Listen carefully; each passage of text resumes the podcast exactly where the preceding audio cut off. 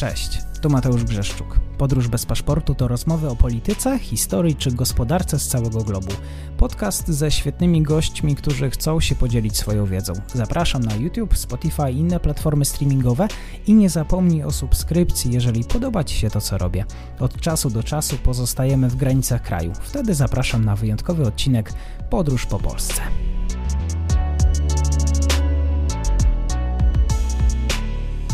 Dzień dobry. Dzisiaj jesteśmy w miejscu, o którym w polskich mediach nie mówi się zbyt szeroko, a moim gościem jest pani Agata Romaniuk. Dzień dobry i dziękuję za przyjęcie zaproszenia. Dzień dobry, dzień dobry Państwu. Tak bardzo się cieszę. Mamy wiosenny, piękny dzień i to nas trochę przybliża do kraju, o którym będziemy mówić, przynajmniej pod względem temperatury. No właśnie o tej omańskiej temperaturze słyszałem bardzo sporo i to chyba jest bardzo ważne, jak Omańczycy się ubierają pod kątem tego, co właściwie jest za oknem. Tak, to prawda. Rzeczywiście tam no, w tej chwili nawet, y, ponieważ codziennie sprawdzam, jaka jest pogoda w Warszawie, gdzie mieszkam, ale też już mam takie przyzwyczajenie, że sprawdzam, jaka jest pogoda w Maskacie, czyli w stolicy Omanu, bo jakoś z, z sentymentem tam ciągle wracam, nawet jeśli tylko myślami. I dzisiaj jest 31 stopni cały ten tydzień będzie średnio 31-34 stopnie bo to jest taka typowa wiosenna temperatura. Ja zresztą do Omanu pierwszy raz przyjechałam właśnie w kwietniu mhm. i pamiętam, że mi się wydawało, że wtedy było jakieś tam 36 stopni i, e, i gazety pisały, że jest taka przyjemna wiosenna bryza i pogoda. I pomyślałam sobie, rany boskie, to czy to znaczy, że będzie cieplej? I tak to znaczy, że było ciepłej i rzeczywiście się zdarza, że temperatura tam dochodzi do 50 stopni. To może rzadko, ale powyżej 40 to jest coś zupełnie normalnego i po roku pobytu mm, przy 40 stopniach to ja chodziłam normalnie w jeansach, bo to już nie wydawało mi się bardzo gorąco, co mhm. dla nas jest w Polsce dość trudne do wyobrażenia. Ale chyba w związku z tą temperaturą, e, pomimo temperatur, e, nie warto obnosić się ze swoją cielesnością. Ma Pan rację, tak. Jeśli się jest Omańczykiem czy Omanką, to oni jednak się zasłaniają. Też dlatego, żeby, no teraz to jest klimatyzacja, ale kiedyś jej nie było, więc chodziło też o to, żeby zasłonić ciało przed jakimiś poparzeniami słonecznymi, ale też oczywiście Koran wymaga tego, żeby zwłaszcza kobiety zasłaniały ciało, łydki, kostki, nadgarstki i oczywiście włosy.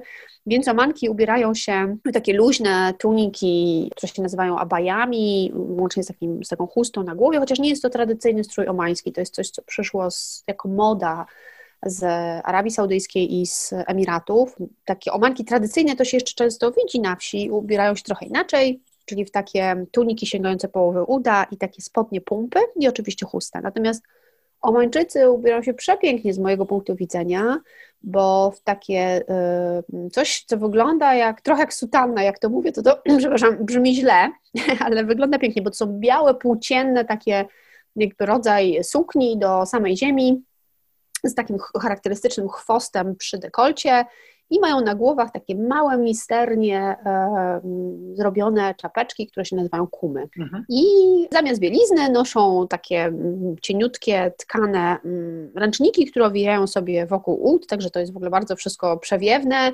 Oni się zresztą kilka razy dziennie często przebierają, wykonują te rytualne ablucje, więc są też tacy bardzo pachnący i eleganccy. Oprócz e, temperatury stricte pogodowej, również było gorąco całkiem niedawno pod kątem politycznym. Omańczycy opłakiwali odejście sułtana Kabusa ibn Saida. Z tego co wiem, był to władca, który rzeczywiście rządził Omanem bardzo długo. Tak, rządził Omarem, no, zabrakło mu niewiele, żeby rządzić 50 lat i był za swojego życia drugim najdłużej panującym władcą na świecie po Elżbiecie II, która wygląda na to, że przeżyje w ogóle nas wszystkich e, razem wziętych. E, I rzeczywiście to jest też jakaś, jakiś ewenement na skalę nie tylko światową, ale oczywiście też e, krajów Zatoki mm, Perskiej, gdzie no, ci władcy się częściej zmieniali też no, czasami w sposób bardzo gwałtowny. On zresztą też e, wstąpił na tron na drodze przewrotu pałacowego, obalił swojego ojca, który był okropnym tyranem i paranoikiem. I rządził spokojnie, w dostatku, dobrobycie i naprawdę z myślą o swoim kraju i swoim narodzie no, przez prawie pół wieku. I, no i teraz od no, niespełna półtora roku temu zmarł i nowy sułtan wstąpił na tron. To była taka emocjonująca dla kraju chwila, no bo, bo no, trudno nawet, nawet nam sobie to wyobrazić, prawda? Pół wieku panowania jednego, jednego człowieka, ale za przejęcie władzy e, czy, czy następstwo tronu nastąpiło bardzo spokojnie bez większych jakichś turbulencji i w tej chwili nowy sułtan kontynuuje politykę społeczną, zagraniczną, ekonomiczną czy gospodarczą starego sułtana. Wspomniała Pani, że te przekazanie y, przeprowadzono pokojowo, bez, y, obyło się bez żadnych kontrowersji.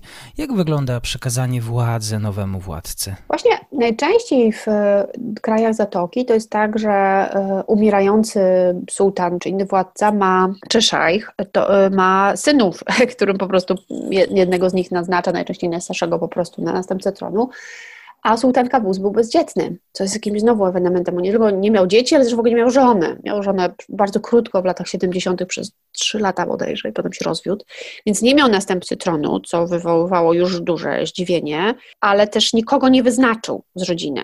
Chociaż się tego po nim przez lata spodziewano. On się też tłumaczył, że żeby nie wywoływać jakichś napięć przedwcześnie. Plotka głosiła, chociaż nawet pisał tym gazety, więc myślę, że to nie była tylko plotka, że on y, wskazał nazwisko i że to nazwisko było zapisane w dwóch osobnych dokumentach ukrytych w dwóch częściach kraju, które to miałyby być te listy otwarte. To jest w ogóle prześmieszne, nie? W 2021 roku, kiedy na świecie są, nie wiem, bitcoiny i i światłowód, to tutaj Sudan napisał to prostu na dwóch, dwóch kartkach papieru, no ale tak było.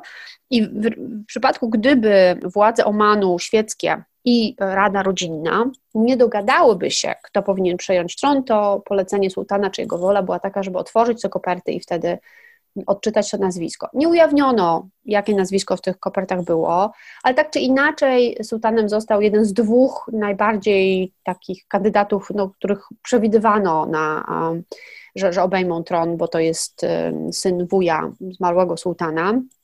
Chociaż pretendentów do tronu było 86, bo to chodziło o to, żeby oni byli po pierwsze urodzonymi Omańczykami, czyli nie, nie wiem, prawda, Saudyjczykami albo cokolwiek innego, z rodziny Saidów, no i w odpowiednim też wieku. No więc potencjalnie tych kandydatów było dużo, a też obawiano się, przynajmniej komentatorzy zagraniczni obawiali się, że mogą, no nie wiem, Emiraty próbować przyłączyć Oman y, jako kolejny emirat, że Jemen może coś w tej sprawie, chociaż Jemen targany własnymi kłopotami, to może mniej. No więc były jakieś tam niepokoje z tym związane, ale ostatecznie właśnie e, Majilis i Rada e, rodzinna wybrały sułtana, sułtana Talika, który Sultan Kabuz zmarł w nocy z soboty na, e, z piątku na sobotę, a w sobotę o 10 rano już nowy sułtan został zaprzysiężony, więc bardzo szybko to poszło. Mhm. A jak to się stało, że przez tyle lat, kiedy rządził Omanem, rzeczywiście udało mu się ominąć te wszystkie regionalne konflikty?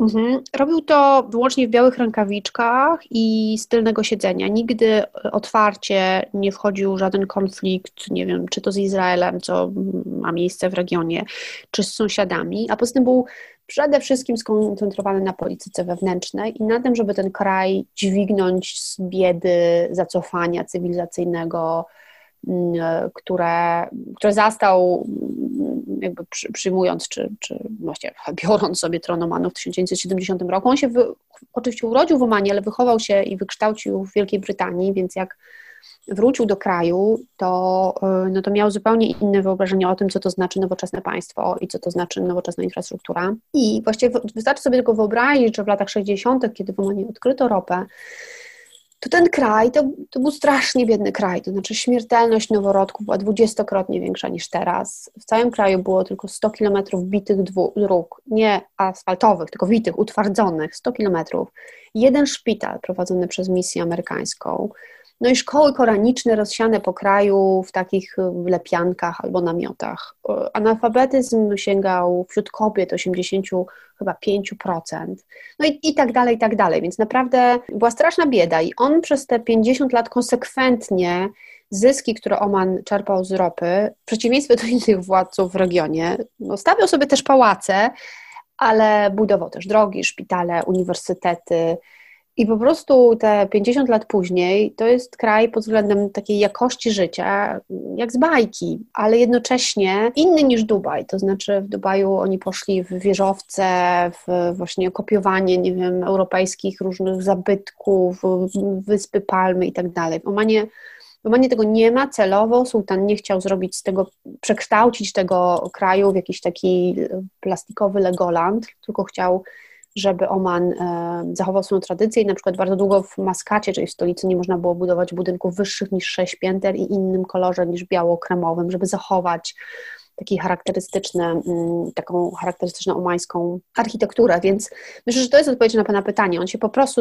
skoncentrował na tym, żeby żeby ten swój kraj gospodarczo dźwignąć i, nawet za jego życia Omańczycy zupełnie ironicznie mówili o czasie jego panowania jako o renesansie, o nim jako o królu słońca. I to w ogóle nie, wiem, no to tak w Starbucksie przy kawie po prostu ludzie tak o nim mówili, czy mówią. Nigdy zresztą nawet nie, nikt się z Omańczyków nie, nie, nie używa słowa sułtan, bo to jest funkcja, tylko zawsze się mówi jego wysokość, e, sułtan Kabus. Bez właśnie jakiejś tam przekory. Trudno mi sobie wyobrazić, że w Polsce o jakimkolwiek e, rządzącym czy jakimś innym mężu stanu, gdybyśmy takich w ogóle mieli, ludzie mówili z taką miłością. Ale za, naprawdę po prostu za życia jednego czy dwóch pokoleń, no, no to życie ich y, osobiste też zmieniło się tak diametralnie, że oni odczuwali wobec niego ogromną wdzięczność. Myślę, że zapisze się w historii powsze czasy. Czyli ta zmiana nie dotyczyła tylko takiego betonu ulic, y, ale zaszła w samych umysłach Omańczyków. Tak, jak najbardziej, tak, ale bo, bo to naprawdę wniknęło w domy, to znaczy dziewczyny mi tam, bo moja książka dotyczy głównie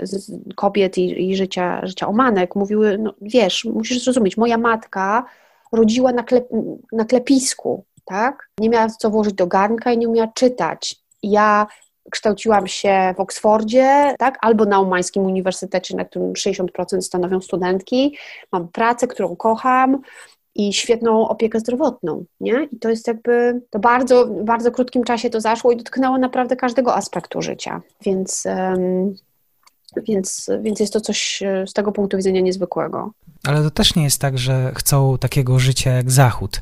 E, przywoływała Pani te słowa, że z zachodu się wyrasta i tak się mówi w Omanie. Tak, to prawda. To jest bardzo charakterystyczne. Jak ja tam przyjechałam, to byłam przekonana, że, e, no, no, że one jednak marzą o tej wolności obyczajowej, na przykład, którą my mamy i tak dalej. I kompletnie tak nie jest. Znaczy one chcą takiego życia w sensie cywilizacyjnym, to znaczy tak, chcą mieć e, klimatyzowane samochody, szybki internet, Netflix i właśnie dostęp do nowoczesnej medycyny, ale niekoniecznie na poziomie obyczajowości nam czegoś zazdroszczą, czy, czy na poziomie, nie wiem, stylu życia. I dziewczyny często mówiły, że wjeżdżały na przykład na studia właśnie do Wielkiej Brytanii i były oburzone i zniesmaczone tym, jak, nie wiem, zachowują się kobiety i mężczyźni względem siebie, pijane angielki, które po prostu narzucają się facetom, albo faceci, którzy kobiet właśnie nie szanują, obłapiają je w, pa, w pubach i tak dalej. E, też takie stosunki w rodzinie, gdzie no, przymyka się czasami oko na, na przemoc. Nie mówię, że w Omanie tego się nie robi, ale często w Omanie jednak e, rodzina wtedy wkracza i interweniuje, więc one mówiły, w życiu bym tego nie chciała. Nie chciałabym też być zmuszona do pracy, bo muszę dźwignąć kredyt we frankach, na przykład, prawda, jak u nas. Tak, taka, taka wizja, że właśnie zachodni styl życia jest jakiś optymalny i najwspanialszy dający kobiecie taką niezwykłą wolność i jednocześnie bezpieczeństwo, to, to nie jest coś, co, co w głowach omanek e, istnieje. O dziwo dla nas, bo nam się pewnie wydaje, że nasz system najlepszy. Chciałbym zapytać, bo każdy z nas przychodzi pewien etap dorastania, odejścia z domu, decydujemy się na studia, podjęcie pracy. Chciałbym zapytać również w kontekście książki, jak wygląda to wchodzenie w dorosłość omanek? Trudno na to pytanie odpowiedzieć, bo dla nich co innego znaczy życie dorosłych. Znaczy, bardzo długo kobiety są w takiej sferze e, rodzinnej kobiet. Znaczy, w ogóle życie rodzinne Omańczyków toczy się trochę tak, że jest ten, ten um, madżilis, gdzie mężczyźni się spotykają, ten, ten obszar i taka część domu kobieca, gdzie są matki, ciotki, kuzynki. Oni, proszę pamiętać, mają bardzo duże rodziny, bo teraz ta dzietność spadła, ale nadal wynosi 3 i 6 a nie wiem, 20 lat temu wynosiła tam ponad 8, więc no, ludzie, którzy są teraz dorośli, mają na przykład 6 sióstr, nie? albo siedmiu braci i dwie siostry. Więc dziewczynki oczywiście chodzą do szkoły i chodzą do szkoły koedukacyjnej od normalnie tam siódmego roku życia czy szóstego roku życia. E, ale po szkole to jednak najczęściej e, no, żyją w tej strefie takiej domowo-kobiecej, co nie znaczy, że nie uprawiają sportów czy czegoś, no, ale jednak, mm, jednak wspólnie z dziewczynami. Potem, jeśli chcą pójść na studia, to oczywiście jest to możliwe i znowu to są studia koedukacyjne, no oprócz jednego uniwersytetu tam w interiorze, mm, który jest tylko dla dziewcząt, ale tak to, to, to ale to z drugiej strony wygląda tak, że no niby studiują razem, ale w tych salach wykładowych siedzą osobno, nie bardzo na siebie patrzą. Jedna z nauczycielek akademickich mi opowiadała, że strasznie trudno jest zrobić takie zajęcia grupowe, gdzie na przykład w jakichś zespołach czy w parach mieszanych dziewczynki i chłopcy muszą współpracować i bo na przykład oni mają kłopoty z tym, żeby na siebie patrzeć, tak, otwarcie, no trudno jest trochę mówić do kogoś i z nim pracować, jeśli nie można na siebie spojrzeć.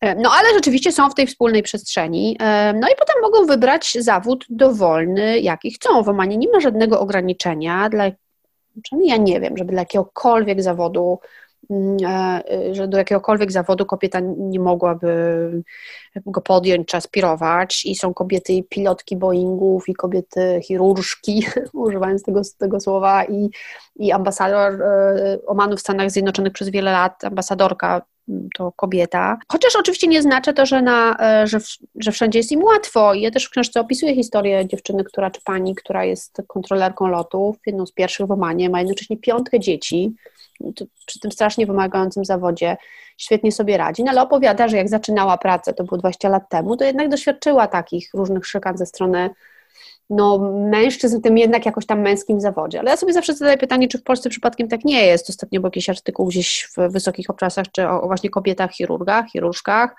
które no, spotykają się ze strasznym seksizmem w szpitalach i w salach operacyjnych, więc y, pod tym względem Oman chyba nie jest jakiś y, inny niż Polska, tak bym powiedziała. No i potem jak już pracują, to, to pracują, natomiast dosyć szybko wychodzą z rynku pracy, to znaczy jednak bardzo często jest tak, w przeciwieństwie do Polski, że jak kobieta rodzi pierwsze dziecko, to przestaje pracować.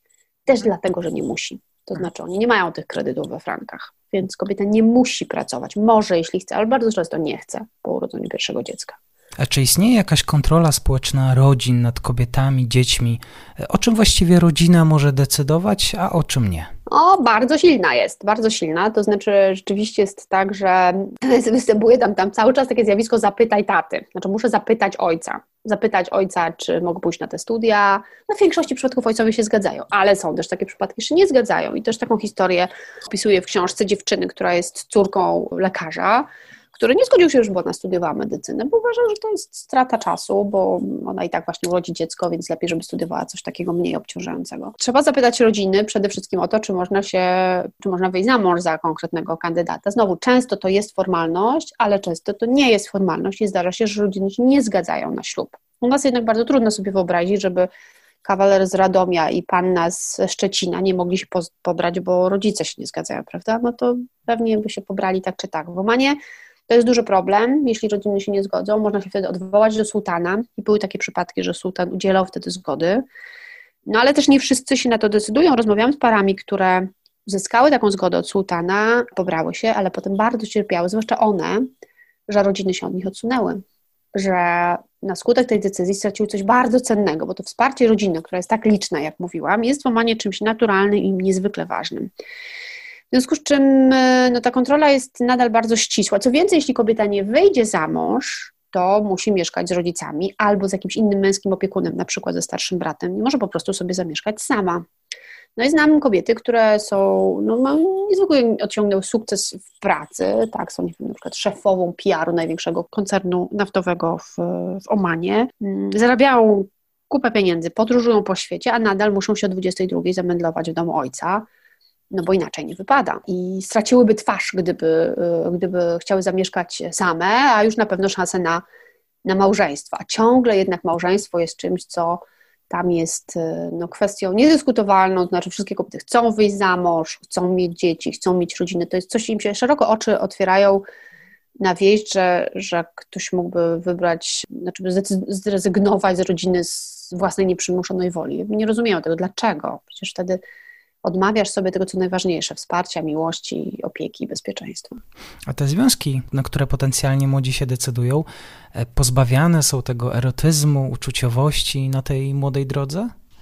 Tak, tak daleko bym nie szła. To znaczy, raczej jest tak, że na równi ważne jest to, czy ten związek jest y, akceptowany przez rodziny i społecznie akceptowany, czy nie zagraża nasemu już statusowi i tak dalej. Czyli jeśli zakochuje się w chłopaku, czy chłopak zakochuje się w dziewczynie, to to jest ważne, ale równie ważne jest to wszystko inne. U nas powiedziałabym najważniejsze, czy się młodzi zakochali, a ten, takie inne rzeczy to w ogóle się często nie bierze pod uwagę. Tam to powiedziałabym waży porówno, w związku z czym nie jest tak, że ludzie się tam pobierają bez miłości, ale nie pobierają się, jeśli jest tylko miłość, tak bym to powiedziała. A znam też takie przypadki sporo po prostu aranżowanych małżeństw, gdzie nie wiem, dziewczynie mm, rodzina przedstawiła trzech kandydatów, których ona najczęściej znała, bo to byli jacyś koledzy jej kuzynów albo synowie mm, rodzin z sąsiedztwa i ona z nich wybrała, którego z nich lubi najbardziej, a miłość przyszła potem. To też się też się zdarza. Więc nie chcę, żeby Państwo odnieśli takie wrażenie, że miłość w humanie nie istnieje, bo to jest ludzkie i zawsze istnieje i ona też jest w tych związkach, tylko po prostu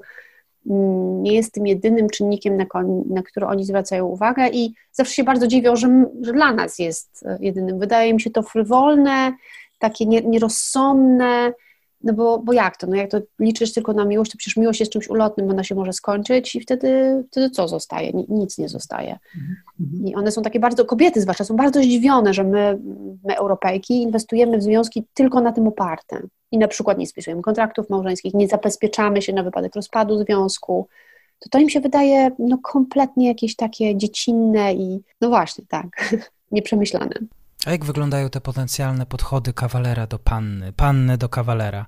E, jak wygląda ta selekcja żon w Omanie? No, no właśnie to jest tak, że oni nie tak strasznie dużo mają okazji się spotkać, e, zwłaszcza jak są, nie wiem, nastolatkami czy młodymi dorosłymi sami we dwójkę, więc w tej chwili to się wszystko odbiera, odbywa na Whatsappie. Znaczy po prostu znam dziewczynę z klasy, więc mam ją na Whatsappie, flirtujemy na Whatsappie a mhm. potem szukamy jakiejś okazji po temu, żeby się spotkać tylko we dwójkę albo w gronie znajomych, bo w gronie znajomych to jest, to jest, to jest ok, nie? Jeśli jest szóstka młodych ludzi, to nie mogą sobie pojechać nad morze czy na pustynię i nikt na to nie zwraca uwagi, no i wtedy gdzieś się będziemy kryć po kątach. Natomiast no nie jest tak, żeby chłopak 16-letni mógł zaprosić 16-letnią dziewczynę na randkę do kawiarni i wziąć ją za rękę. Tak to nie wygląda, byłoby to źle widziana, ona by sobie też na to nie pozwoliła, bo no, no właśnie, no bo by straciła twarz, czy straciła um, taki, taki szacunek, więc, więc tak to nie wygląda. No i potem jak y, się okazuje, że ten związek nabiera rumieńców, no to on przychodzi do jej rodziny z ojcem, braćmi i oficjalnie, i nadal to tak wygląda, i oficjalnie prosi o rękę. To jest najczęściej takie spotkanie na kilkadziesiąt osób, gdzie z, ze strony dziewczyny właśnie jest cała jej rodzina, potem kobiety się u, ulatniają i tylko mężczyźni, co dla mnie oburzające, ale tak to tam wygląda, dyskutują o tym, jak ten związek ma wyglądać, jak ma wyglądać kontrakt małżeński, jak, jakiej wysokości ma być machr, czyli taki posag, który mężczyzna wnosi, bo tam mężczyźni wnoszą posag, a nie kobiety.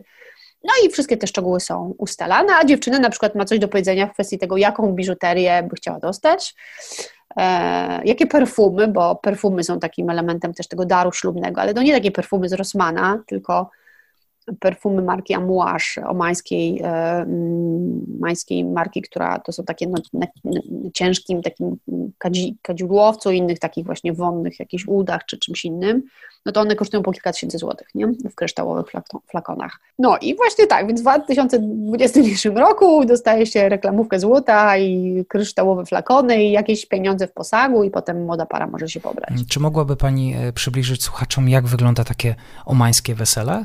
Wesela są, no, trochę inaczej one wyglądają na wsi, a trochę inaczej wyglądają w klasie średniej i wyższej, ale generalnie to jest jeszcze bardziej wystawne dużo niż u nas. To takie jest naprawdę zastaw się, a postaw yy, i one potrafią kosztować w tych takich bogatych rodzinach, to naprawdę no, kilkaset tysięcy złotych. Tak, to dla klasy takiej mm, wyższej, średniej, ale no takiej w sensie ona jest, nie wiem, pracuje na uniwersytecie, a on jest prawnikiem tego typu, no to potrafi kosztować 400 tysięcy złotych i wygląda to tak, że pan młody ma osobną imprezę, panna młoda ma osobną imprezę, ale to są ogromne imprezy, ponieważ te rodziny są duże, no to mhm. niczym dziwnym nie jest, jeśli na weselu jest 500 osób.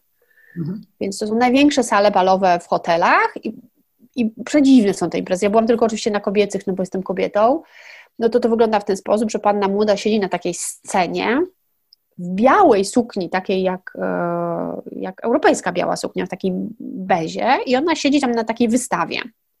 A inne kobiety podchodzą do niej z jedzeniem, kłaniają jej się, tańczą i tak dalej. O północy przychodzi pan młody, ubrany w tradycyjny strój, z taką kandziarem, czyli ze sztyletem, laseczką, tak bardzo tradycyjnie ubrany i ją jakby przejmuje. Na wsiach to wygląda tak samo, tylko biednie po prostu, czyli też są te kobiece i męskie, e, kobiece i męskie wesela. Oprócz tego jest no, taka ceremonia w meczecie, ale w której biorą udział tylko mężczyźni i tam wobec um, imama mężczyzna deklaruje, że bierze sobie bierze sobie żonę w obecności ojca czy braci panny młodej, ona w tym czasie jest w domu i jest zaślubiona tym samym.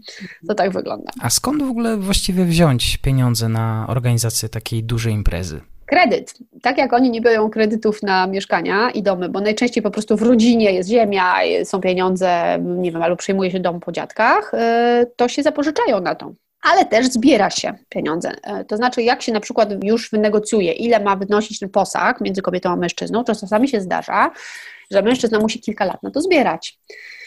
E, no i były takie przypadki, nie wiem, znam jakąś tam jedną parę, która wynegocjowała machr wysokości, kurczę, ile to było, chyba 30 tysięcy riali, że to jest 300 tysięcy złotych. No to jest taki naprawdę wysoki machr e, i chłopak miał połowę tej kwoty uzbieranej. On jest zresztą jakoś tam E, pracuje z tego co wiem w liniach lotniczych na jakimś dyrektorskim stanowisku, więc dobrym. No i drugie 150 tysięcy musiał pożyczyć i pożyczył z banku, bo dziewczyna, czy rodzina dziewczyny nie chciała tego odpuścić. Znaczy to jest jej zabezpieczenie. No, a znam też parę, której on trzy lata zbierał, zbierał, chociaż tam był ten mach niższy, więc to jest, i to jest taka zupełnie, i to, to nie jest coś wstydliwego, o tym się rozmawia otwarcie, jaka to jest kwota, ile się ma, ile trzeba pożyczyć banku. Banki oferują takie specjalne pożyczki, czy na biżuterię ślubną, czy właśnie na wesele i pieniądze są tam bardzo ważnym tematem, właśnie takim, o którym się otwarcie rozmawia i, i nie ma tutaj zmiłu, nie ma, że bardzo Cię kocham, to jednak Ci odpuszczę 50% tego machru to w ogóle nie występuje takie zjawisko. Bardzo Cię kocham, zapłać cały mach. A czy w tej kulturze funkcjonują rozstania, rozwody? Tak, Oczywiście ich jest, jest ich coraz więcej, e, natomiast wyglądają trochę inaczej niż u nas. Po pierwsze, mm, rozwód może wystąpić tylko mężczyzna. To dosyć prosto jest go uzyskać, idzie się do moczetu i, i, i, mówi się trzy razy rozwodzę się, rozwodzę się, rozwodzę się i właściwie ten rozwód następuje. Co zresztą jest prześmieszne, bo na przykład w Arabii Saudyjskiej ostatnio mm, z rok temu przeszło takie prawo, że e, mężczyzna, że to meczet musi to zgłosić do um, władz administracyjnych, a one wysyłają żonie SMS-a, żeby ona była poinformowana, bo mm, czasem się zdarzało, że nie została poinformowana, nie? No, więc prze, prześmieszne jest. Myślę, że to musi być dziwne, że przy kawie nagle dostaje się SMS-a Cześć, dzień dobry, informujemy Cię, że właśnie się rozwiodłaś. No ale w każdym razie to tak wygląda. Jeśli mężczyzna chce się rozwieść, no to jest to bardzo proste, natomiast jeśli kobieta chce się rozwieść, to już nie, dlatego że musi wtedy udowodnić, że jedynym powodem, dla którego mogłaby się rozwieść jest zdrada, udokumentowana zdrada i wtedy może się rozwieść w sądzie szariackim ale może też wystąpić do tego swojego męża, żeby on jakby chciał się rozwieść. I często jest tak, że to kobieta chce się rozwieść i mówi mężowi, słuchaj, no to rozwiedź się i, i co za to chcesz. I oni na przykład często chcą, żeby zwrócić część tego machru. Mhm. No więc mam takie pary, które właśnie też negocjowały, że nie wiem, machr był tam powiedzmy na polskie 100 tysięcy złotych, on się zgadzał na rozwód pod warunkiem, że ona mu 50 tysięcy odda. Problemy zaczynają się, no i potem też to idzie sprawnie, natomiast y, największym problemem jest, jeśli kobieta chce się rozwieść, a mężczyzna nie, to wtedy musi iść do sądu szariackiego czy religijnego sądu i udowodnić no, jego winę, prawda? Najczęściej zdradę, a czasami przemoc. I opisuję w książce w rozdziale Sukienka z rękawami taką jedną historię, gdzie właśnie w sądzie szariackim dopiero w trzeciej instancji dziewczynie udało się rozwieść po tym, jak mhm. no, mąż ją brutalnie, brutalnie bił. Problemy się zaczynają oczywiście, jak są dzieci. To jest tak jak i w Polsce, ale tam bardziej dlatego, że e, prawo koraniczne, mm, czy wywodzące się z Koranu, e, chroni raczej rodzinę męża pod tym względem. I rozumiem, że po takim rozwodzie kobiety mogą wrócić do domu rodzinnego. Tak, tak. Mhm, mhm. Rodziny nie mają z tym problemu? Nie jest to niczym niechlubnym? Tak, nie, znaczy niechlubnym, no trochę tak, jest niechlubnym, w sensie no jak ktoś się rozwiódł, to to nie jest jakaś super rzecz, znaczy dla kobiety, no ona ma małe bardzo szanse na powtórne mm, małżeństwo, chyba że też z rozwodnikiem, albo że na drugą żonę. No już jakby jest przechodzonym towarem w tym sensie. Poza tym, jeżeli właśnie ma dzieci, to to jest wielki problem, dlatego że jeżeli ona się, na przykład ma córkę i ponownie wejdzie w związek małżeński, to rodzina męża ma prawo tą córkę zabrać. Dlatego, że ten nowy mężczyzna stanowi zagrożenie dla cnoty tej dziewczynki. W związku z czym rozwódki z niepełnoletnimi córkami praktycznie no nie, nie, nie wiążą się ponownie, tak? bo po prostu no nie chcą stracić córek, więc... Ale tak, ale wracają do domów rodzinnych i te domy też trzeba, Państwo muszą pamiętać, że są ogromne. No, ja mieszkam w domu, który miał 10 pokoi i był uważany za no, taki skromny domeczek, nie?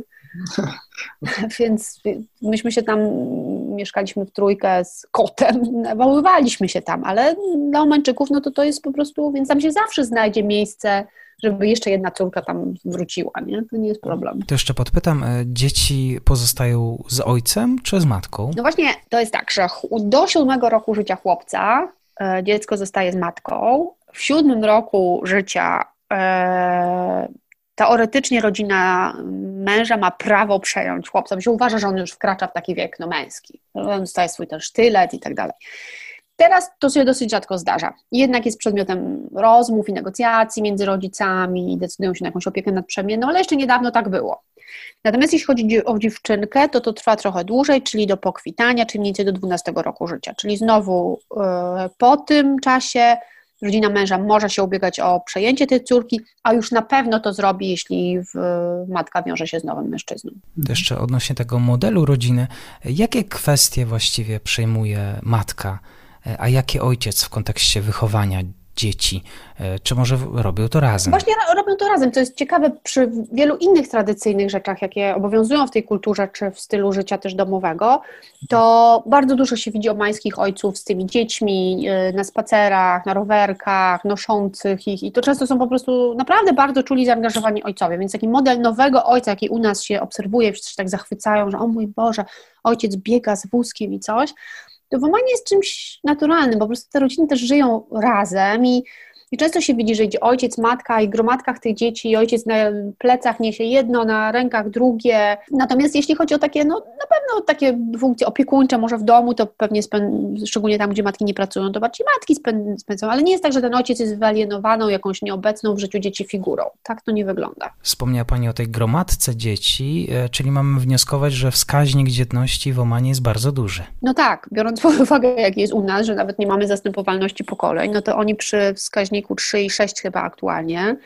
mm, to, co oznacza, że jedna kobieta rodzi e, średnio 3,6 dzie dziecka, tak? E, to jest no bardzo wysoko. Natomiast oni oczywiście rozpaczają, bo z ich perspektywy to, to jest bardzo mało. No, że to bardzo spadło w ciągu ostatnich lat i dlatego jest dużo programów zachęcających omanki do rodzenia jednak dzieci i bo oni się po prostu boją, że to będzie właśnie wskaźnik rozwodów rośnie, kobiety się jednak angażują bardziej w pracę zawodową, że oni dojdą do poziomu zachodniego, gdzie to się już zaczyna być problemem robić. No w tej chwili społeczeństwo mańskie jest bardzo młode i bardzo w związku z tym witalne, ale trochę podąża tą ścieżką zachodnią jednak i to widać, że średni wiek e, pierwszego dziecka, urodzenia pierwszego dziecka matki rośnie, jeszcze nie jest tak wysoki jak u nas, co tam zbliża się w tej chwili do 30, no to tam jest nadal 25 chyba, ale boją się tego, że. E, a oni są małym narodem, bo tam niespełna 4 miliony ludzi mieszka, z czego milion to są cudzoziemcy, więc po prostu się martwią, no, co, co będzie dalej. To takie pytanie na koniec. E, przed jakimi dzisiaj wyzwaniami stoi omańskie społeczeństwo?